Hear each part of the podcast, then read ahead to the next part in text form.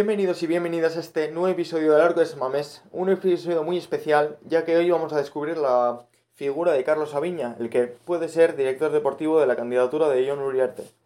Para ello, me he traído a un compatriota suyo, corresponsal de Marca Claro, Daniel Reyes, bienvenido. Hola, ¿qué tal, Eneco? Gracias por la invitación. ¿Qué tal va todo? Todo bastante disfrutando por fin del verano, que acá en los Países Bajos dura como dos semanas, así que lo estoy aprovechando a full. Hay que decir que Daniel está de Erasmus periodístico, entre comillas, porque es corresponsal de Marca Claro en Holanda, pero no pierde de vista a sus compatriotas. Y es el caso hoy que vamos a hablar de Carlos Aviña, un gran conocido para la gente de México, para los futboleros de México, pero que aquí en Bilbao es todo un desconocido. ¿Quién es Carlos Aviña?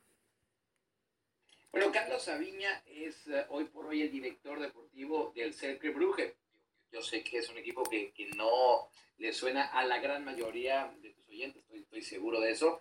Eh, además que comparte la ciudad de Brujas eh, justamente contra uno de los más grandes equipos que hay en Bélgica, actual campeón, que es el mismo Brujas. Eh, el Cercle Brugge es un equipo pequeño, sí, sí, la verdad es que es un equipo pequeño, pero que tiene un proyecto bastante interesante y que además es un equipo satélite, si le podemos decir, del Mónaco. Eh, y es por eso que Carlos Aviña dio ese paso, y hay que decirlo también muy joven, muy joven, a los 29 años, salió de México, más específico, él estaba en el América también como, como director uh, deportivo, como director de fútbol, que le llamaban por allá, y a los 29 años dio este paso a hacer que Bruje de la mano del director deportivo del Mónaco, que a final de cuentas fue el que lo llevó y lo ha hecho realmente bien. ¿eh?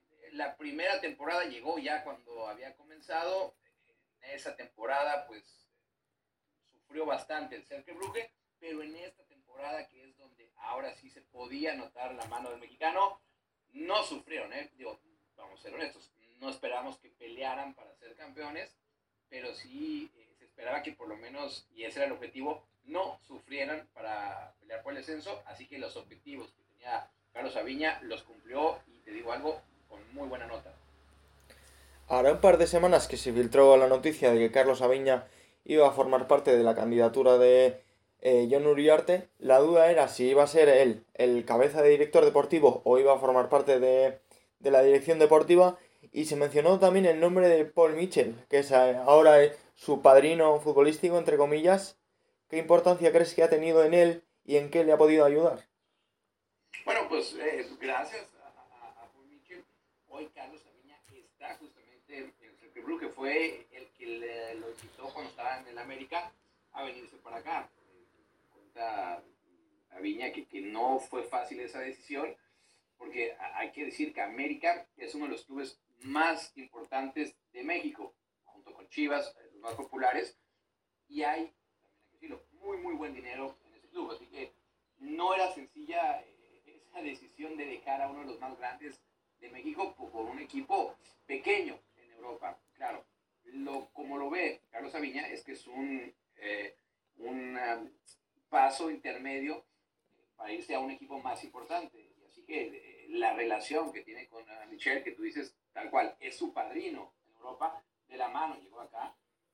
Y a mí la impresión que yo tenía era que el Cercle Brugge pues, quería dar el paso al Mónaco. Bueno, pues, eh, y mucho tiene que ver Michel. Mira, ¿dónde acaba? No lo sé. Lo que sí me queda claro es que él tiene la ambición de dar, un, de dar el paso a, a un equipo más importante. ¿Cómo ha cambiado, Carlos, el Cercle Brugge?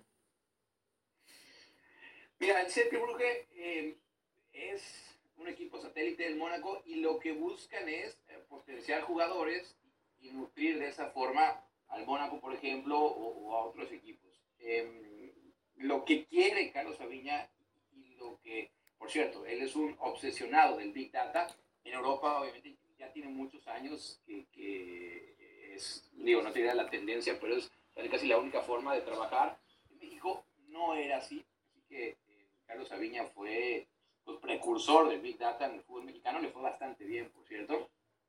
Y eh, lo que él quiere es mucha intensidad, es mucha intensidad en el Cercle Brugge. Eh, lo, consiguió, lo consiguió, además es un equipo bastante joven. Yo creo que esas podrían ser eh, las dos características más importantes de este Celtic Brugge, repito, donde ya se nota la mano de Carlos Aviña, que es un equipo eh, bastante, bastante joven y que es muy intenso. A él le gusta eh, que sea un juego agresivo, que, que se corran riesgos, que ellos lleven la iniciativa.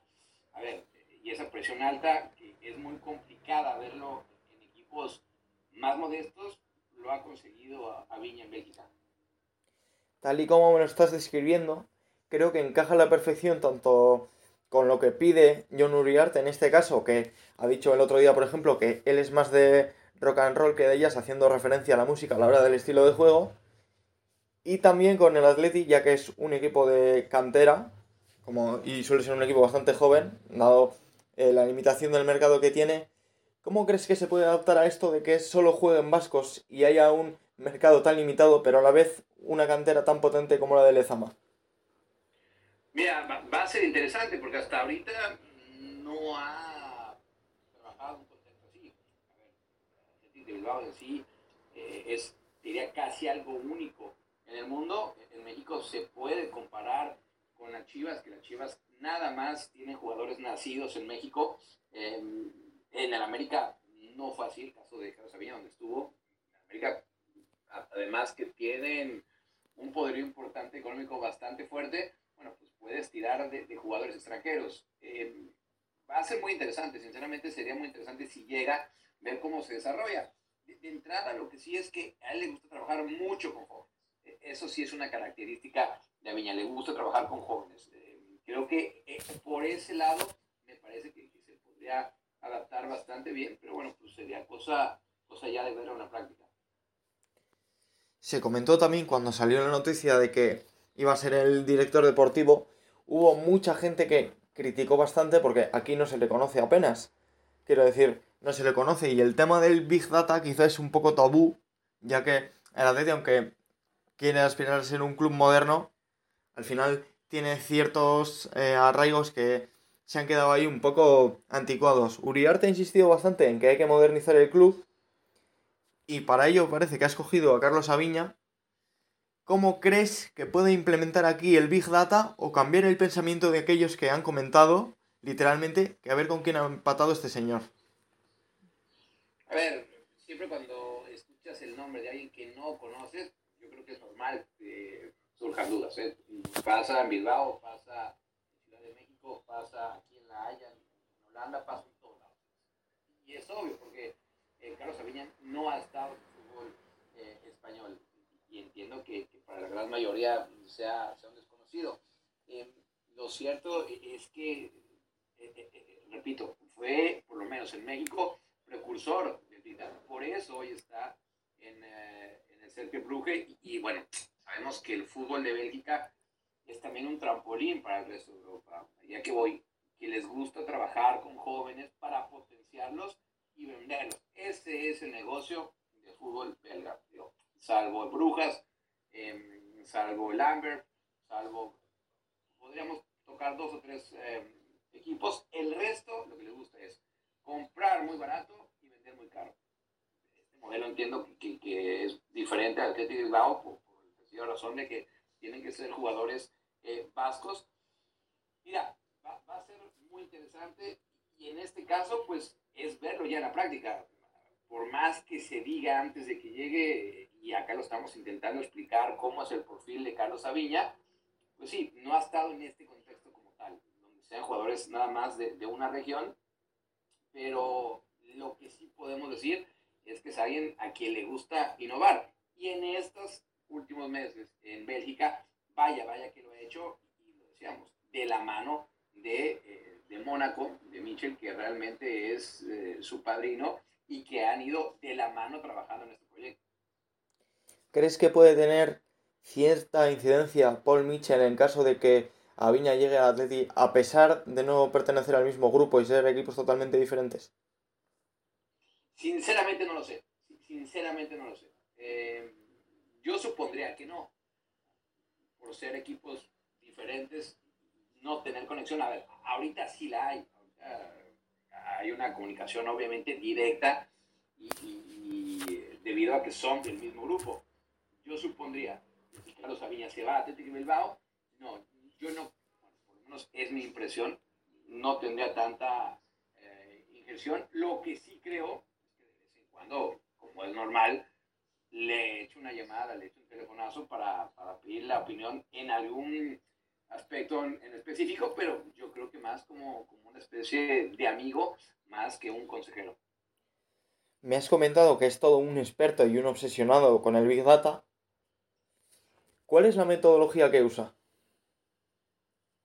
Mira, yo por lo menos no he estado en, eh, su oficina. No, no te sabré decir con qué, herramientas trabaja eh, Carlos Aviña. Sé, sé, por la gente que, ha estado muy en contacto con él, que le gusta estar siempre eh, muy actualizado. Es decir, yo creo que los, softwares que se ven ahora, a los que se veían cuando él empezó en América, no tienen absolutamente nada que ver.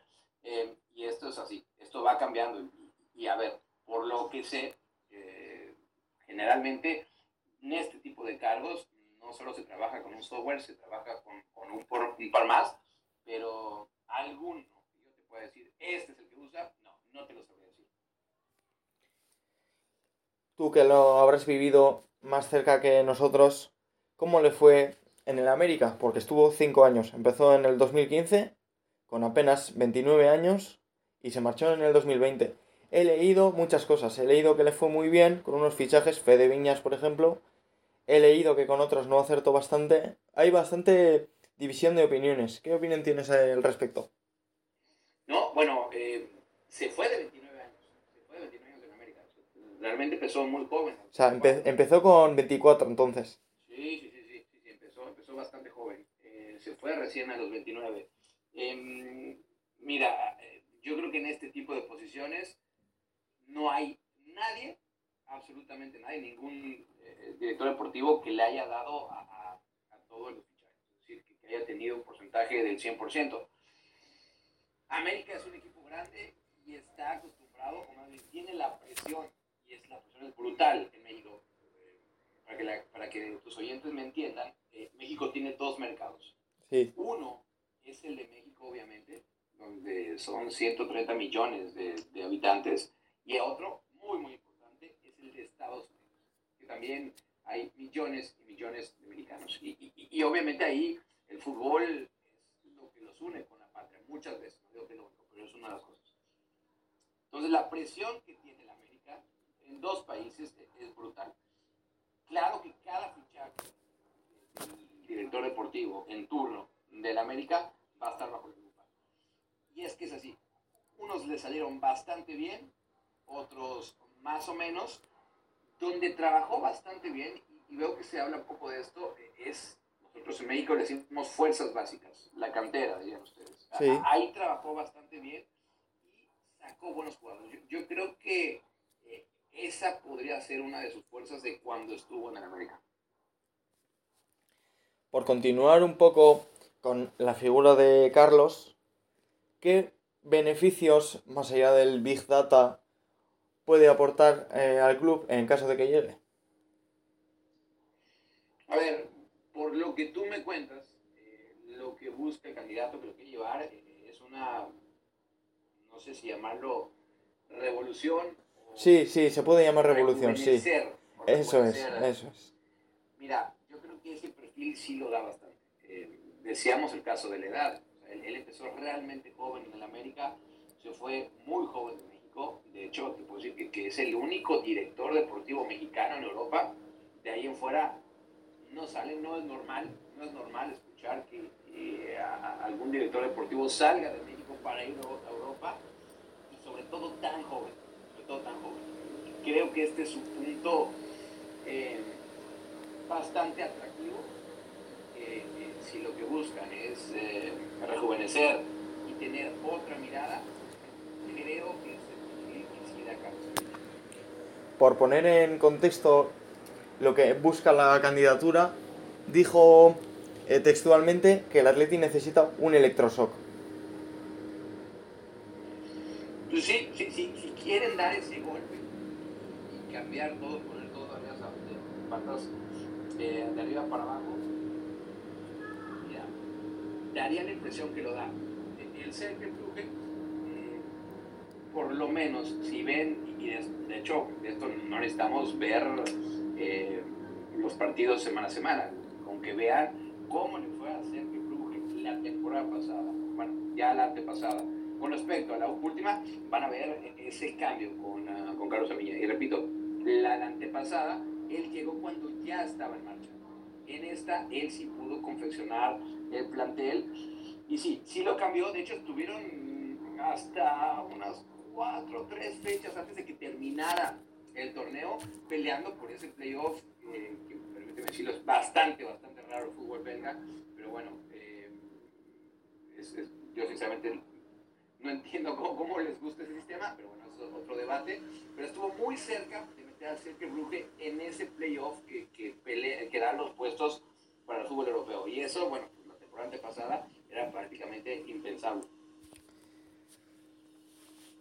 Bien, eh, ha comentado ahora el presidente, bueno, o sea, el candidato, disculpa, comentó la semana pasada que es el director deportivo el que va a escoger el entrenador de la candidatura.